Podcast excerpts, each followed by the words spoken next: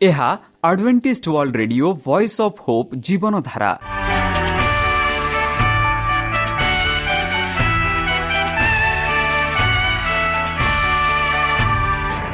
Odia radio କାର୍ଯ୍ୟକ୍ରମ ଯାହା ଆମର ଆନ୍ତର୍ଜାତୀୟ ଆଘାତ କେନ୍ଦ୍ରରୁ ପ୍ରସାରଣ କରାଯାଉଛି ପ୍ରତିଦିନ ରାତି ନଅଟା ତିରିଶ ମିନିଟ୍ରେ।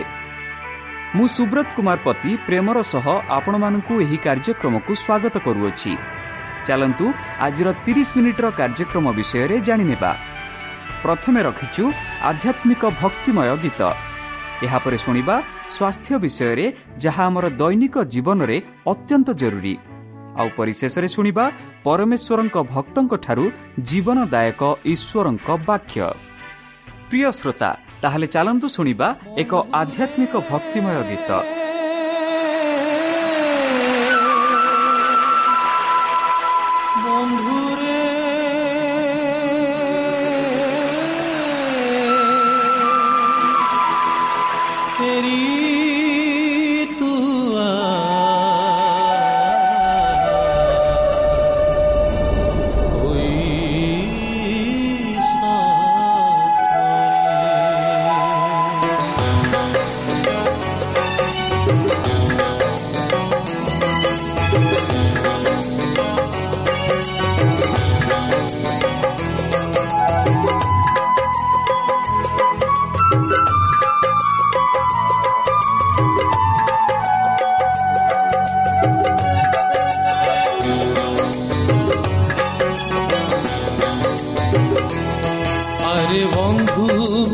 ফেরি তুয়া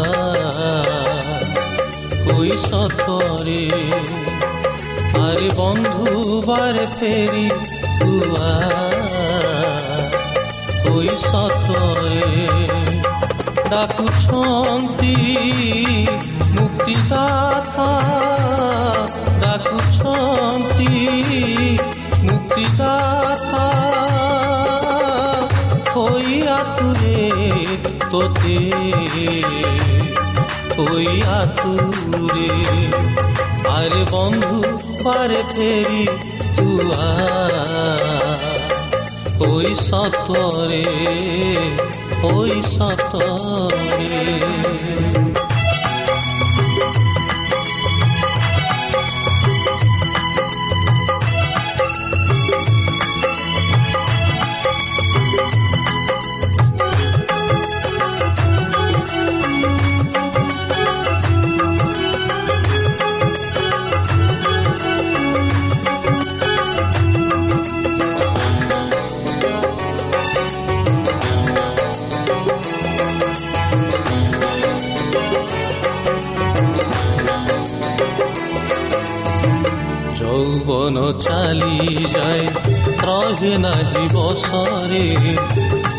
କେବେ ଫେରେ ନାହିଁ ଚାଲିଗଲା ପରେ ଧନ ମାନ ରହେ ନାହିଁ ଚାଲି ଯାଏ ଧୀରେ ବଳ ତୋ ତରଳି ଗଲେ ତାରିବ କିଏ ରେ ଦୁଇ ଦିନିଆ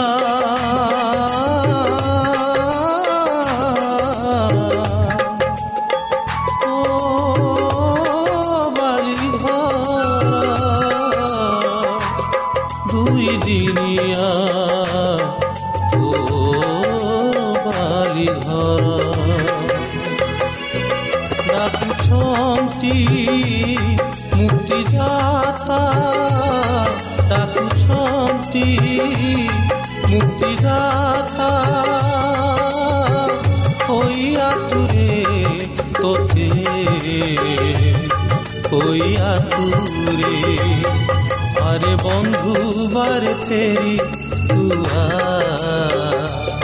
ওই সতরে আরে বন্ধু, বারে ফেরি তুয়া ওই সতরে ওই সতরে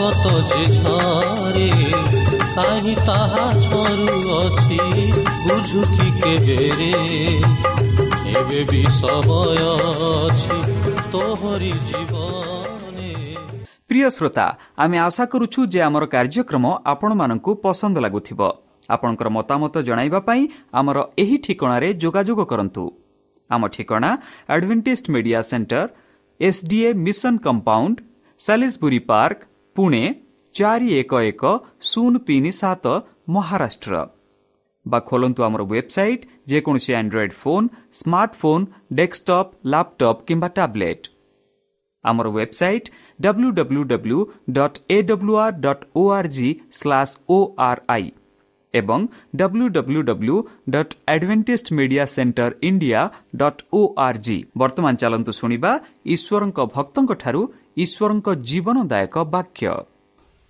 ପୃଥିବୀର ଲବଣ। ନମସ୍କାର ପ୍ରିୟ ଶ୍ରୋତା। ସେହି ସର୍ବଶକ୍ତି ସର୍ବଜ୍ଞାନୀ ପ୍ରେମର ସାଗର ଦୟାମୟ ଅନ୍ତର୍ଜମୀ ଅନୁଗ୍ରହ ପରମ ପିତାଙ୍କ ମଧୁର ନାମରେ ମୁଁ ପାଷ୍ଟ ପୂର୍ଣ୍ଣଚନ୍ଦ୍ର ଆଉ ଥରେ ଆପଣମାନଙ୍କୁ ଏହି କାର୍ଯ୍ୟକ୍ରମରେ ସ୍ୱାଗତ କରୁଅଛେ। ସେହି ସର୍ବଶକ୍ତି ପରମେଶ୍ୱର ଆପଣମାନଙ୍କୁ ଆଶୀର୍ବାଦ କରନ୍ତୁ। ଆପଣଙ୍କୁ ସମସ୍ତ ପ୍ରକାର ଦୁଃଖ କଷ୍ଟ ବାଧା କ୍ଲେଶ ଓ ରୋଗରୁ ଦୂରେଇ ରଖନ୍ତୁ। ସେହି ପରମେଶ୍ୱର ଆପଣଙ୍କ ସମସ୍ତ ମନୋକାମନା ପୂର୍ଣ୍ଣ କରନ୍ତୁ। ତାହାଙ୍କ ପ୍ରେମ ତାହାଙ୍କ ସ୍ନେହ ତାହାଙ୍କ କୃପା ତାହାଙ୍କ ଅନୁଗ୍ରହ ସଦାସର୍ବଦା ଆପଣଙ୍କଠାରେ ସହବର୍ତ୍ତୀ ରହ। ପ୍ରିୟସତା ଚାଲନ୍ତୁ। ଆଜି ଆମ୍ଭେମାନେ କିଛି ସମୟ ପବିତ୍ର ଶାସ୍ତ୍ର ବାଇବଲଠୁ ତାହାଙ୍କ ଜୀବନଦାୟକ ବାକ୍ୟ ଧ୍ୟାନ କରିବା। ଆଜିର ଆଲୋଚନା ହେଉଛି ପୃଥିବୀର ଲବଣ। ବନ୍ଧୁ ଲବଣ ଯାହା ମଣିଷକୁ ନିଶ୍ଚିତ ଭାବେ ଆବଶ୍ୟକ ପଡ଼ୁଛି ପ୍ରତ୍ୟେକ ଖାଇବା ଜିନିଷରେ ବିନା ଲବଣରେ ଖାଇ ହୁଏ ନାହିଁ। ପ୍ରତ୍ୟେକ ଜିନିଷ ଯାହା ତାକୁ ବହୁଦିନ ପାଇଁ ସଞ୍ଚୟ ରଖିବା ପାଇଁ ଚାହୁଁଛ ତାହାକୁ ଲବଣ ଆବଶ୍ୟକ ପଡ଼ୁଛି। ଆଉ ବେଳେ ବେଳେ ଏହି ଲବଣକୁ ଆମେ ମଧ୍ୟ ବ୍ୟବହାର କରିଥାଉ ପାଦରେ ବି ତୋଳିଥାଉ। ତାହେଲେ ବାଇବଲ ପବିତ୍ର ଶାସ୍ତ୍ର? ଏହି ଲବଣ ବିଷୟରେ କ'ଣ କହୁଛି? ତାହା ବିଷୟରେ ଆମେ କିଛି ସମୟ ଆଲୋଚନା କରିବା। ଯେହେତୁ ଯେବେ ଯୀଶୁଖ୍ରୀଷ୍ଟ ଏହି ପୃଥିବୀରେ ଥିଲେ ସେ କହିଲେ କି ତୁମେମାନେ ପୃଥିବୀର ଲବଣ। ଲବଣ ଯେପରି ଯେତେ ପର୍ଯ୍ୟନ୍ତ ଲବଣରେ ତା'ର ସ୍ୱାଦ ଅଛି ସେତେ ପର୍ଯ୍ୟନ୍ତର ତା'ର ଉପକାର ରହୁଛି। ଆଉ ଯେଉଁ ସମୟରେ ସେହି ଲବଣର ସ୍ୱାଦ ନାହିଁ ତା'ର କିଛି ଉପକାର ନାହିଁ। ଆଉ ତାହାକୁ ଆମେ ବ୍ୟବହାର କରିନଥାଉ। ତାହେଲେ ଚାଲନ୍ତୁ ପବିତ୍ର ଶାସ୍ତ୍ର ବାଇବଲରେ ଏହି ଲବଣ ବିଷୟରେ ଆମମାନଙ୍କୁ କ'ଣ କହୁଛି ତାହା ବିଷୟରେ ଆମେ କିଛି ସମୟ ଆଲୋଚନା କରିବା। ବନ୍ଧୁ ପ୍ରଭୁଙ୍କ ଦୂତମାନଙ୍କ ଇତିହାସ ଏହି ଫଳାଫଳ କେତେଥର ଦେଖାଯାଇଛି। ଯେତେବେଳେ ସମ୍ଭ୍ରାନ୍ତ ଏବଂ ବାକ୍ୟପୂର୍ଣ୍ଣ ସେହି ଷ୍ଟିଭେନ୍ ପରିଷଦର ପ୍ରରୋଚନାରେ ପଥରରେ ସେଚି ହତ୍ୟା କରାଯାଇଥିଲା ବା ପଥରରେ ସେଚି ହତ୍ୟା କରାଯାଇଥିଲା ସୁସମାଚାର କାରଣ ପାଇଁ କୌଣସି କ୍ଷତି ହୋଇନଥିଲା। ସ୍ୱର୍ଗର ଆଲୋକ ଯାହା ତାଙ୍କ ଚେହେରାକୁ ଗୌରବ ମହାନ୍ୱିତ କରିଥିଲା ଦିବ୍ୟ କରୁଣା ତାଙ୍କ ମରିବା ପ୍ରାର୍ଥନାରେ ନିଶ୍ୱାସ ତ୍ୟାଗ କରିଥିଲା ଠିଆ ହୋଇଥିବା ଧର୍ମାନ୍ଧ ପାଇଁ ବିଶ୍ୱାସର ତୀର ଭାବରେ ଥିଲା ଏବଂ ସାଉଲ ନିର୍ଯାତିତ ଫାରିସ୍ ବିଜେତି ଏବଂ ରାଜା ଏବଂ ଇସ୍ରାଏଲ ପିଲାମାନଙ୍କ ଆଗରେ କୃଷ୍ଣଙ୍କ ନାମ ବହନ କରିବାକୁ ଏକ ମନୋନୀତ ଜାହାଜ ବାହକ ହୋଇଥିଲେ। ଏବଂ ବହୁଦିନ ପରେ ପାଉଲ ବୃଦ୍ଧ ରୋମର ଥିବା ତାଙ୍କ କାରାଗାରର ଘରୁ ଲେଖିଥିଲେ ଏହିପରି କି କେତେକ ପ୍ରକୃତରେ ଖ୍ରୀଷ୍ଟଙ୍କୁ ଈର୍ଷା ଏବଂ କହଳ କଲହ ବିଷୟରେ ପ୍ରଚାର କରନ୍ତି। ଆନ୍ତରିକତା ସହିତ ନୁହେଁ ମୋର ବନ୍ଧନରେ ଯନ୍ତ୍ରଣା ଯୋଡ଼ିବାକୁ ଉତ୍ସାହିତ ବୋଲି ସେ କହନ୍ତି। ଏହା ସତେ ପ୍ରତ୍ୟେକ ଉପାୟରେ ଛଳନାରେ ହେଉ କିମ୍ବା ସତ୍ୟରେ ଖ୍ରୀଷ୍ଟଙ୍କୁ ପ୍ରଚାର କରାଯାଏ। ଏହିପରି ଆମେ ପିଲିପିୟ ଏକ ପନ୍ଦର ଟୁ ଅଠରରେ ପାଉଅଛୁ ବନ୍ଧୁ। ବନ୍ଧୁ ପାଉଲଙ୍କ କାରାଗାର ମାଧ୍ୟମରେ ସୁସମାଚାର ବିଶେଷରେ ବ୍ୟାପିଥିଲା ଏବଂ ସିଜୋର ପ୍ରସାଦରେ ଖ୍ରୀଷ୍ଟଙ୍କ ପାଇଁ ଆତ୍ମା ଜିତିଥିଲେ ଏହାକୁ ନଷ୍ଟ କରିବା ପାଇଁ ସଚେତନ ପ୍ରୟାସ ଦ୍ୱାରା ଈଶ୍ୱରଙ୍କ ବାକ୍ୟ ଅସ୍ମରଣୀୟ ମଞ୍ଜି ଯାହା ସବୁଦିନ ପାଇଁ ଜୀବନ୍ତ ଏବଂ ପାଳନ କରେ। ପୁରୁଷଙ୍କ ହୃଦୟରେ ବୁଣାଯାଇ ତାଙ୍କ ପିଲାମାନଙ୍କ ନିନ୍ଦା ଏବଂ ନିର୍ଯାତନା ମାଧ୍ୟମରେ ଖ୍ରୀଷ୍ଟ ନାମ ବିସ୍ତୃତ ଏବଂ ଆତ୍ମର କରାଯାଇଥିଲା। ବନ୍ଧୁ ସେହି ମହାନ ଉପହାର ଯାହା ସ୍ୱର୍ଗରେ ସାକ୍ଷାତ ଦିଏ ଖ୍ରୀଷ୍ଟଙ୍କ ସମ୍ମୁଖରେ ଯାହା ଖ୍ରୀଷ୍ଟଙ୍କ ଦ୍ୱାରା ଆମେ ଖ୍ରୀଷ୍ଟଙ୍କୁ ଗ୍ରହଣ କରି ସେହି ଯିଏକି ଖ୍ରୀଷ୍ଟ ସେହି ତାଡ଼ନା ଦ୍ୱାରା ଗତି କରୁଥିଲେ। ଯେତେବେଳେ କି ଏହି ପୃଥିବୀର ଲୋକମାନେ ସାଂସାରିକ ଜିନିଷ ପାଇଁ ଅପେକ୍ଷା କରନ୍ତି।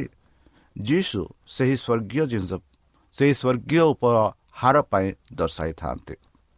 ଯେପରି କଲସିୟ ଦୁଇ ତିନିରେ କହେ ସେ ତାଙ୍କୁ ଏମିତି ଭବିଷ୍ୟତରେ ରଖିଲେ ଏହା ବର୍ତ୍ତମାନ ଏହା ଏଇଠି ଆରମ୍ଭ ହେଉଛି। ପୁରାତନ ସମୟରେ ସେହି ସଦାପ୍ରଭୁ ପରମେଶ୍ୱର ଅବ୍ରାହ୍ମଙ୍କ ସହ ସାକ୍ଷାତ ଦେଲେ। ଆଉ ସେ କହିଲେ ମୁଁ ତୁମର ଢାଲ। ଆଉ ତୁମମାନଙ୍କ ପାଇଁ ଆଉ ତୁମ ପାଇଁ ଏକ ବହୁତ ଭାବରେ ଏକ ପୁରସ୍କାର ଅଛି ଯାହା ଆମେ ଆଦି ପୁସ୍ତକ ପନ୍ଦର ଏକରେ ଦେଖାଉଛୁ ଆଉ ଏହି ଉପହାର ଯେ କେହି ଯୀଶୁଖ୍ରୀଷ୍ଟଙ୍କ ଅନୁଗାମୀ କରେ ସେହି ଜେହ ବା ଯାହାକି ଇମାନୁଏଲ ଯାହାକି ଆମ ସହ ସେମାନଙ୍କୁ ସେହି ଉପକାର ଦିଆଯିବ। ଯାହାଠାରେ ସମସ୍ତ ପ୍ରକାର ଭଣ୍ଡାର ଲୁଚି ରହିଛି ଜ୍ଞାନ ରହିଅଛି ଯାହାଠାରେ ସମସ୍ତ ରହିଅଛି ଆଉ ସମସ୍ତ ଅଛି ଆଉ ସେ ହେଉଛନ୍ତି ଈଶ୍ୱରଙ୍କ ଠାରୁ ଏକ ଯାହା ଆମେ କଲସିୟ ଦୁଇ ତିନି ଟୁ ନରେ ପାଉଛୁ।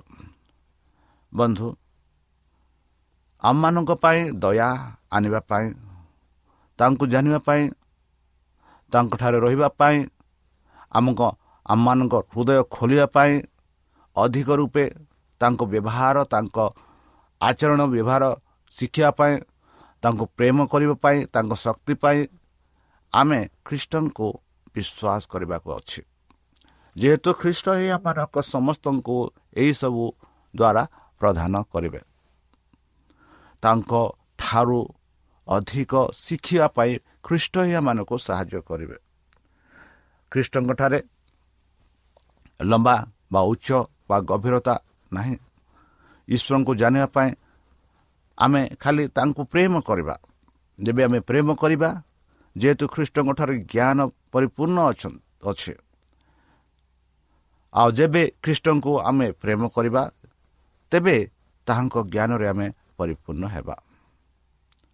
ବନ୍ଧୁ ଯେପରି ଜିସାୟ ପୁସ୍ତକ ଚଉବନ ସତରରେ ଆମେ ପାଉଛୁ ଜିସାୟ ଭବିଷ୍ୟତ ଭକ୍ତା କହୁଛନ୍ତି କି ଆମେ ତାହାଙ୍କର ଉତ୍ତରାଧିକାରୀ। ତାହାଙ୍କ ଧାର୍ମିକ ଦ୍ୱାରା ଆମେ ଈଶ୍ୱରଙ୍କର ଉତ୍ତର ଅଧିକାରୀ ଅଧିକାରୀ ହେବା ବୋଲି କହୁଅଛୁ। ଏହି ଆନନ୍ଦ ପାଉଲ ସାଇଲସ୍ ମନରେ ଭରିଥିଲା ଯେବେ ସେମାନେ ଫିଲିପିଓ କାରାଗାରରେ ସେହି ରାତ୍ରିରେ ସେମାନେ ବନ୍ଧିରେ ଥିଲେ। ସେହି ରାତ୍ରିରେ ସେମାନେ ଈଶ୍ୱରଙ୍କୁ ପ୍ରଶଂସାରେ ଗୀତ ଗାଉଥିଲେ। ଯେତେବେଳେ ସେମାନେ କାରାଗାରରେ ଥିଲେ ଯେହେତୁ ଯେଉଁ ଆଶା ସେମାନେ ଆଗରୁ ଶୁଣିଥିଲେ ଯେଉଁ ଭରସା ସେମାନଙ୍କଠାରେ ଥିଲା ଆଉ ଯେଉଁ ଆଶା ଯିଏକି ସେମାନେ ସ୍ୱର୍ଗର ସ୍ୱର୍ଗ ରାଜ୍ୟର ଏକ ଉତ୍ତର ଅଧିକାରୀ ହେବେ ବୋଲି ଆଉ ଏଥିଯୋଗୁଁ ସେମାନେ କାରାଗାରରେ ଈଶ୍ୱରଙ୍କୁ ପ୍ରଶଂସା କରି ଗୀତ ଗାନ କରିଥିଲେ। ଆଉ ସେହି ସମୟରେ ଖ୍ରୀଷ୍ଟ ସେମାନଙ୍କ ପାଖରେ ଥିଲା ଥିଲେ। ତାହାଙ୍କ ଉଜ୍ଜଳ ତାହାଙ୍କ ମହିମା ତାହାଙ୍କ ଗୌରବ ତାହାଙ୍କ ପାଖେ ଥିଲେ। ଯେବେ ପାଉଲ ରୋବରେ ଥିଲେ ସେ ଏହିସବୁ ଦେଖିଲେ ବୋଲି ଲେଖୁଛନ୍ତି। ଆଉ ସେ କହନ୍ତି ଏଥି କାରଣ ମୁଁ ପ୍ରଭୁଙ୍କଠାରେ ଆନନ୍ଦ କରୁଛି। ମୁଁ ଆନନ୍ଦ କରେ ସଦାସର୍ବଦା ଏହିପରି ପିଲିପି ଏକ ଅଠର ଆମେ ପାଉଅଛୁ। ଆଉ ଏହି ବାକ୍ୟ ଯୀଶୁ ଖ୍ରୀଷ୍ଟ ଯାହା ଆମେ ସର୍ମାନନ୍ଦ ମାଉଣ୍ଟ ସେଥିରେ ପର୍ବତ ଉପରେ ଯାହା ଉପଦେଶ ଯୀଶୁଖ୍ରୀଷ୍ଟ ଦେଇଥିଲେ ସେହି ସମୟରେ ଯୀଶୁଖ୍ରୀଷ୍ଟ ଏହିସବୁ ସେମାନଙ୍କୁ କହିଥିଲେ। ପାଉଲ ଫିଲିପିଓ ମଣ୍ଡଳୀକୁ ଯେଉଁ ଫିଲିପି ମାନେ ଯେଉଁ ପରିସ୍ଥିତିରେ ସେମାନେ ଗତି କରୁଥିଲେ ଯେଉଁ ଦଣ୍ଡରେ ଗତି କରୁଥିଲେ ଯେଉଁ ପ୍ରଲୋଭନରେ ସେମାନେ ଗତି କରୁଥିଲେ ସେମାନଙ୍କୁ ଆଶ୍ୱାସନା ଦେଇ କହିଲେ କି ସଦାସର୍ବଦା ପ୍ରଭୁଙ୍କଠାରେ ଆନନ୍ଦ କର। ଆଉ ସବୁବେଳେ ଆନନ୍ଦ କର ଯେବେ ସେ ଯେବେ ତୁମମାନେ ଏହିପରି ଗତିରେ ତୁମେ ଗମନ କରୁଛ କରୁଥିବ। ଯେହେତୁ ସେତେବେଳେ ସଦାପ୍ରଭୁ ପରମେଶ୍ୱର ତୁମଠାରେ ରହିବେ ବୋଲି ପବିତ୍ର ପବିତ୍ର ଶାସ୍ତ୍ର ବାଇବଲ କହୁଅଛେ। ଯେପରି ଆମେ ମାଥ୍ୟୁ ପାଞ୍ଚ ତେରରେ ଦେଖିବା ତୁମେମାନେ ପୃଥିବୀର ଲବଣ। କିନ୍ତୁ ଲବଣ ଯଦି ସ୍ୱାଦହୀନ ହୁଏ ତେବେ ତାହା କାହିଁକି ଲବଣଦତ୍ମକ ହେବ? ତାହା ଆଉ କୌଣସି କାର୍ଯ୍ୟଯୋଗ୍ୟ ନୁହେଁ। କେବଳ ବାହାରେ ପକାଯାଇ ଲୋକମାନଙ୍କ ପାଦ ତଳେ ତଳିତ ହେବାର ଯୋଗ୍ୟ। ଏହିପରି ସେହି ପାର୍ବତୀୟ ଉପଦେଶରେ ଯୀଶୁ କହିଲେ କି ଆମେମାନେ ସମସ୍ତେ ପୃଥିବୀର ଲବଣ। କିନ୍ତୁ ଲବଣ ଯଦି ସ୍ୱାଦହୀନ ହୁଏ ତେବେ ତାହା କାହିଁରେ ଲବଣ ଯୁକ୍ତ ହେବ? ତାହା ଆଉ କୌଣସି କାର୍ଯ୍ୟଯୋଗ୍ୟ ନୁହେଁ। ଯେପରି ଏହା ପୂର୍ବରୁ ଆପଣମାନଙ୍କୁ କହୁଅଛି କହିସାରିଛି କି ଲବଣର ଅନେକ ପ୍ରକାର କାର୍ଯ୍ୟ ଅଛି। ଆଉ ଲବଣ ବିନା ଆମେ ଆମ ଦିନ ଦୈନିକର ଖାଦ୍ୟ ବି ଖାଇପାରିବା ନାହିଁ ଯେହେତୁ ପ୍ରତ୍ୟେକ ଆହାରରେ ଏହି ଲବଣ ବ୍ୟବହାର କରାଯାଇଥାଏ ଆଉ ଯେପରି ଆମେ ଇଂରାଜୀରେ କହୁଛୁ ପ୍ରିଜର୍ଭେଟିଭ୍ ଏହି ପ୍ରିଜର୍ଭେଟିଭ୍ ପାଇଁ ମଧ୍ୟ ଲବଣ ବ୍ୟବହାର କରିଯାଇଥାଏ କରାଯାଇଥାଏ ଆଉ ଯଦି ଏହି ଲବଣର ସ୍ୱାଦ ହୀନ ହୋଇଯାଏ ତେବେ ସେହି ଲବଣର ଶକ୍ତି ନାହିଁ ତାକୁ ଅବ୍ୟବହାର କରାଯିବ ନାହିଁ ବନ୍ଧୁ ସେହି ଲବଣ ଯାହା ଯୀଶୁ ଖ୍ରୀଷ୍ଟ କହିଲେ। ଲବଣ ଯାହା ଆମେ ସଂରକ୍ଷଣ କରିବା ପାଇଁ ସାହାଯ୍ୟ କରିଥାଏ। ଆଉ ଈଶ୍ୱର କହନ୍ତି ତାହାଙ୍କ ଲୋକେ ଅଛନ୍ତି ସେହିପରି ଲବଣ ପରି। ଆଉ ପରମେଶ୍ୱର ସେମାନଙ୍କୁ ସେହି ଲବଣରୁ ଶିକ୍ଷା ଦିଅନ୍ତି ଯେ ତୁମାନେ ମଧ୍ୟ ଏହି ପୃଥିବୀର ଲବଣ। ତୁମ ଦ୍ୱାରା ଅନେକ ଲୋକ ଅନ୍ୟମାନେ ତୁମ ଯେ ସ୍ୱାଦ ଚାକିବେ ଆଉ ପରମେଶ୍ୱରକୁ ସେମାନେ ଚିହ୍ନି ପାରିବେ। ଏହିପରି ସେ କହନ୍ତି। ଯେହେତୁ ସମସ୍ତଙ୍କୁ ଆପଣ ପୁତ୍ର ପୁତ୍ରୀ ହିସାବରେ ସେ ଗ୍ରହଣ କରିଛନ୍ତି। ସେମାନଙ୍କୁ ପରିତ୍ରାଣ ଦେବା ପାଇଁ ଇଚ୍ଛା କରୁଛନ୍ତି। ଏହିପରି ଯଦି ଆମେ ତିତସ ଦୁଇ ଏଗାର ଦେଖିବା ସେଠି କହୁଅଛି କି ତାହାଙ୍କ ଅନୁଗ୍ରହ ଅନୁଗ୍ରହ ଯାହା ଆମମାନଙ୍କ ସମସ୍ତଙ୍କୁ ପରିତ୍ରାଣ ପ୍ରଦାନ କରେ ବୋଲି। ଯେବେ ଈଶ୍ୱର ଅବ୍ରାହ୍ମଙ୍କୁ ବାଛିଲେ ଏହା ସାଧାରଣ କଥା ନୁହେଁ। ସେ ବାଛିଥିଲେ ଅବ୍ରାହ୍ମକୁ ଏକ ବିଶେଷ ଭାବରେ ବନ୍ଧୁ। ଆମେ ପବିତ୍ର ଶାସ୍ତ୍ର ବାଇବଲରେ ପାଉଛୁ କି ଅବ୍ରାହ୍ମ ଥିଲେ ଈଶ୍ୱରଙ୍କର ବନ୍ଧୁ ବା ଫ୍ରେଣ୍ଡ ଯାହାଦ୍ୱାରା ସେ ଅନ୍ୟମାନଙ୍କ ତାହାଙ୍କ କାର୍ଯ୍ୟ ବିଷୟରେ ଅନ୍ୟ ଦେଶ ବିଷୟରେ ସେମାନଙ୍କୁ କହିପାରିବେ। ଯେପରି ଯୀଶୁ ପ୍ରାର୍ଥନାରେ ସେ କହିଲେ ଯୀଶୁ ଯେବେ ମୃତ୍ୟୁ ହେଉଥିଲେ ସେତେବେଳେ ସେ କହିଲେ ଯେବେ କୃଷରେ ଥିଲେ ସେ କହିଲେ ପ୍ରଭୁ ମୋ କାରଣ ମୋ ପାଇଁ ସେମାନଙ୍କୁ ପବିତ୍ର କର। ଯେପରି ସେମାନେ ମଧ୍ୟ ପବିତ୍ର ହେବେ ଆଉ ସେ ପବିତ୍ରରେ ରହିବେ ଏହିପରି ଯୀଶୁ ଯାହାକୁ ନିଜକୁ ସେ ବାକ୍ୟକୁ ପବିତ୍ର କଲେ ଆଉ ସେ ପବିତ୍ର ଦ୍ୱାରା ଏହି ଯେଉଁ ଏହି ପୃଥିବୀ ଯାହାକି ନଷ୍ଟ ହେଉଛି ସେଇ ନଷ୍ଟକୁ ପବିତ୍ରକରଣ କଲେ ବନ୍ଧୁ ମନେ ରଖନ୍ତୁ ଲୁଣ ବା ଲବଣ ଆଉ ଅନ କ'ଣ ଆଉ ଏକ ଜିନିଷ ଏତେ ମିଳନ ହେଲେ ତେବେ ତା'ର ପ୍ରିଜର୍ଭେଟିଭ୍ ଶକ୍ତିଟା ଖରାପ ହୋଇଯାଇଥାଏ ସେହିପରି ଆମ ବାସ୍ତବିକ ଜୀବନରେ ଅନ୍ୟ କିଛି ମନ୍ଦ ଜିନିଷ ଯଦି ଆମ ଫାରେ ପାଖରେ ଆସେ ସେହି ସୁସମାଚାର ଉଦ୍ଧାରକର୍ତ୍ତାର ଶକ୍ତି ଆମଠାରୁ ଚାଲିଯାଏ। ସେମାନଙ୍କୁ ଯେପରିକି ବହୁତ ରୂପରେ ବ୍ୟବହାର କରାଯାଏ ନାହିଁ ମାତ୍ର ବ୍ୟକ୍ତିଗତ। ବ୍ୟକ୍ତିଗତ ରୂପେ ଆମେ ଅନ୍ୟମାନଙ୍କୁ ଈଶ୍ୱରଙ୍କୁ ପ୍ରକାଶିତ କରିବାକୁ ପଡ଼ିବ। ବ୍ୟକ୍ତି ବା ବ୍ୟକ୍ତିଗତ ରୂପେ ଆମେ ଈଶ୍ୱରଙ୍କ ବିଷୟରେ କହିବାକୁ ପଡ଼ିବ। ଆଉ ବ୍ୟକ୍ତିଗତ ରୂପେ ଆମ ଜୀବନ ଅନ୍ୟମାନଙ୍କ ଉପରେ ପ୍ରଭାବ ପକାଇବା ଉଚିତ। ଯେପରି ଲୁଣ ଲବଣ ଯେବେ ଲବଣ ବ୍ୟକ୍ତିଗତ ଭାବରେ ଆମେ ବ୍ୟବହାର କରିଥାଉ। ସେ ଲବଣର ସ୍ୱାଦ ଯଦି ଛାଡ଼ିଯାଏ ଆଉ ସେ ସ୍ୱାଦଟା ନ ଆସେ ତାହେଲେ ଆମେ ସେ ଲବଣକୁ ବ୍ୟବହାର କରିନଥାଉ। ସେହିପରି ଖ୍ରୀଷ୍ଟିଆନ ଜୀବନ ଠାରେ ମଧ୍ୟ ଏହିପରି। ଖ୍ରୀଷ୍ଟଙ୍କ ପ୍ରେମ ତାହାଙ୍କ ଧାର୍ମିକ ଆମମାନଙ୍କୁ ସାହାଯ୍ୟ କରେ ଆମ ଜୀବନକୁ ଆଗକୁ ବଢ଼ାଇବା ପାଇଁ। ଖ୍ରୀଷ୍ଟଙ୍କ ପ୍ରେମ ଆମ ଜୀବନରେ ଖୋଲେ ଆଉ ତାଙ୍କ ପ୍ରେମ ଆମ ଜୀବନରେ ପ୍ରଦର୍ଶନ କରେ। ଯଦି ସେହି ପ୍ରେମ ଆମଠାରେ ବାସ କରୁଛି ସେହି ପ୍ରେମ ଆମମାନଙ୍କୁ ଅନ୍ୟମାନଙ୍କୁ ପ୍ରକାଶ କରିପାରିବା। ଯେବେ ଆମେ ଖ୍ରୀଷ୍ଟଙ୍କ ପାଖକୁ ଆସୁ ଯଦି ଆମ ହୃଦୟ ସ୍ୱାର୍ଥପୂର୍ଣ୍ଣ ନଥାଏ ଯଦି ଆମେ ଅନ୍ୟମାନଙ୍କୁ ପ୍ରେମ କରିବାର ଇଚ୍ଛା ଅଛି ଈଶ୍ୱରଙ୍କ ପ୍ରେମ ବାଣ୍ଟିବାର ଅଛି ତାହେଲେ ଖ୍ରୀଷ୍ଟଙ୍କ ପ୍ରେମ ଆମ ଆତ୍ମାରେ ବାସ କରିବ।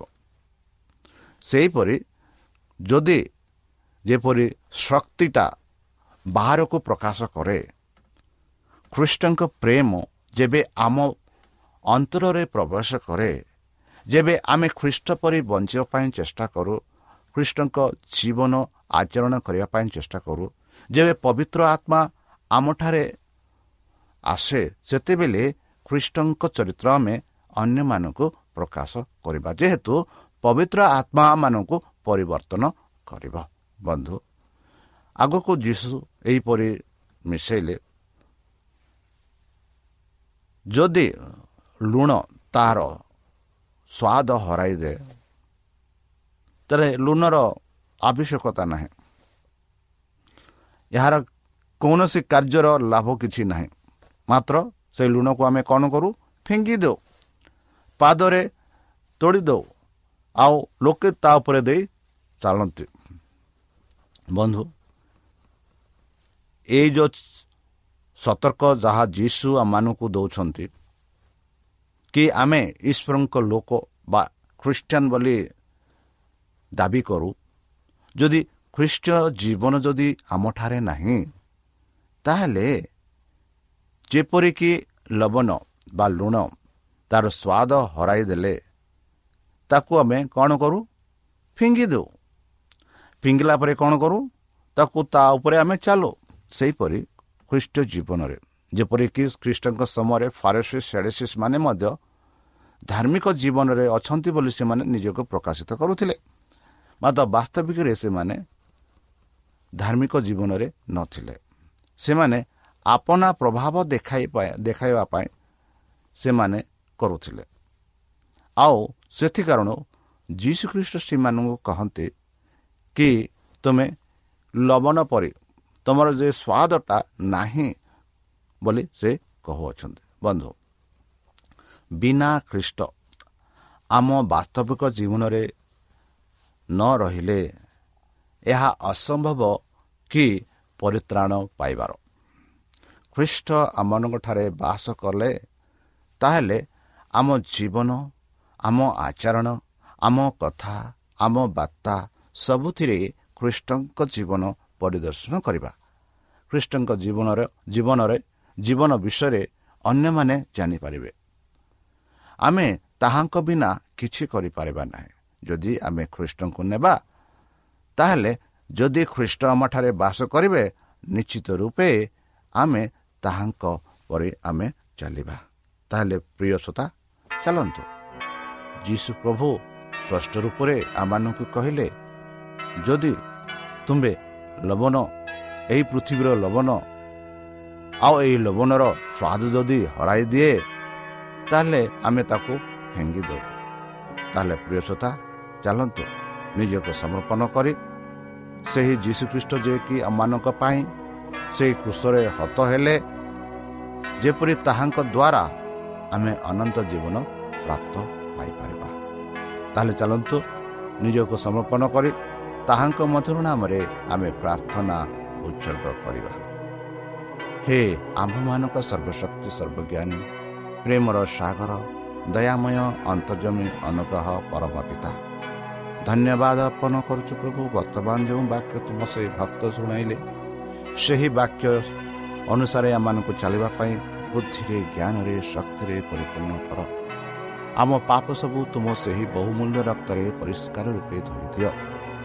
ଆଉ ପରିଶେଷ ଯେବେ ତୁମ୍ଭେ ତୁମ୍ଭ ସେହି ସହସ୍ରଦୂତଙ୍କ ସହ ଆପଣା ସାଧୁମାନଙ୍କୁ ସଂଗ୍ରହ କରିବା ନିମନ୍ତେ ଆସିବେ ସେତେବେଳେ ଆମମାନଙ୍କୁ ଏକ ବାସସ୍ଥାନ ଦିଅ ବୋଲି ପ୍ରାଣକର୍ତ୍ତା ପ୍ରଭୁ ଯୀଶୁଙ୍କ ମଧୁରମୟ ନାମରେ ଏହି ଛୋଟ ବିକ୍ଷମ ଅଛୁ ତୁମେ ଗ୍ରହଣ କର। ଆମେନ୍। ପ୍ରିୟ ଶ୍ରୋତା ଆମେ ଆଶା କରୁଛୁ ଯେ ଆମର କାର୍ଯ୍ୟକ୍ରମ ଆପଣମାନଙ୍କୁ ପସନ୍ଦ ଲାଗୁଥିବ। ଆପଣଙ୍କର ମତାମତ ଜଣାଇବା ପାଇଁ ଆମର ଏହି ଠିକଣାରେ ଯୋଗାଯୋଗ କରନ୍ତୁ ଆମ ଠିକଣା Adventist media centre S DA mission compound Salisbury park Pune ଚାରି ଏକ ଏକ ଶୂନ ତିନି ସାତ ମହାରାଷ୍ଟ୍ର ବା ଖୋଲନ୍ତୁ ଆମର ୱେବସାଇଟ୍ ଯେକୌଣସି Android phone smartphone desktop laptop କିମ୍ବା ଟ୍ୟାବ୍ଲେଟ୍ ଆମର website W W W dot A W R dot O R G slash O R I ଏବଂ W W W dot Adventist media centre India dot O R G Adventist media centre ଇଣ୍ଡିଆର spelling ହେଉଛି A D V E N T I S T M E D I A C E N T R E I N D I A ଅଥବା download କରନ୍ତୁ ଆମର mobile app ଆପଣଙ୍କର mobile play ଷ୍ଟୋରକୁ ଯାଆନ୍ତୁ ଆଉ type କରନ୍ତୁ the Voice of ପୋକ୍ ଆଉ ଡାଉନଲୋଡ୍ କରନ୍ତୁ ଈଶ୍ୱର ଆପଣଙ୍କୁ ଆଶୀର୍ବାଦ କରନ୍ତୁ। ଧନ୍ୟବାଦ।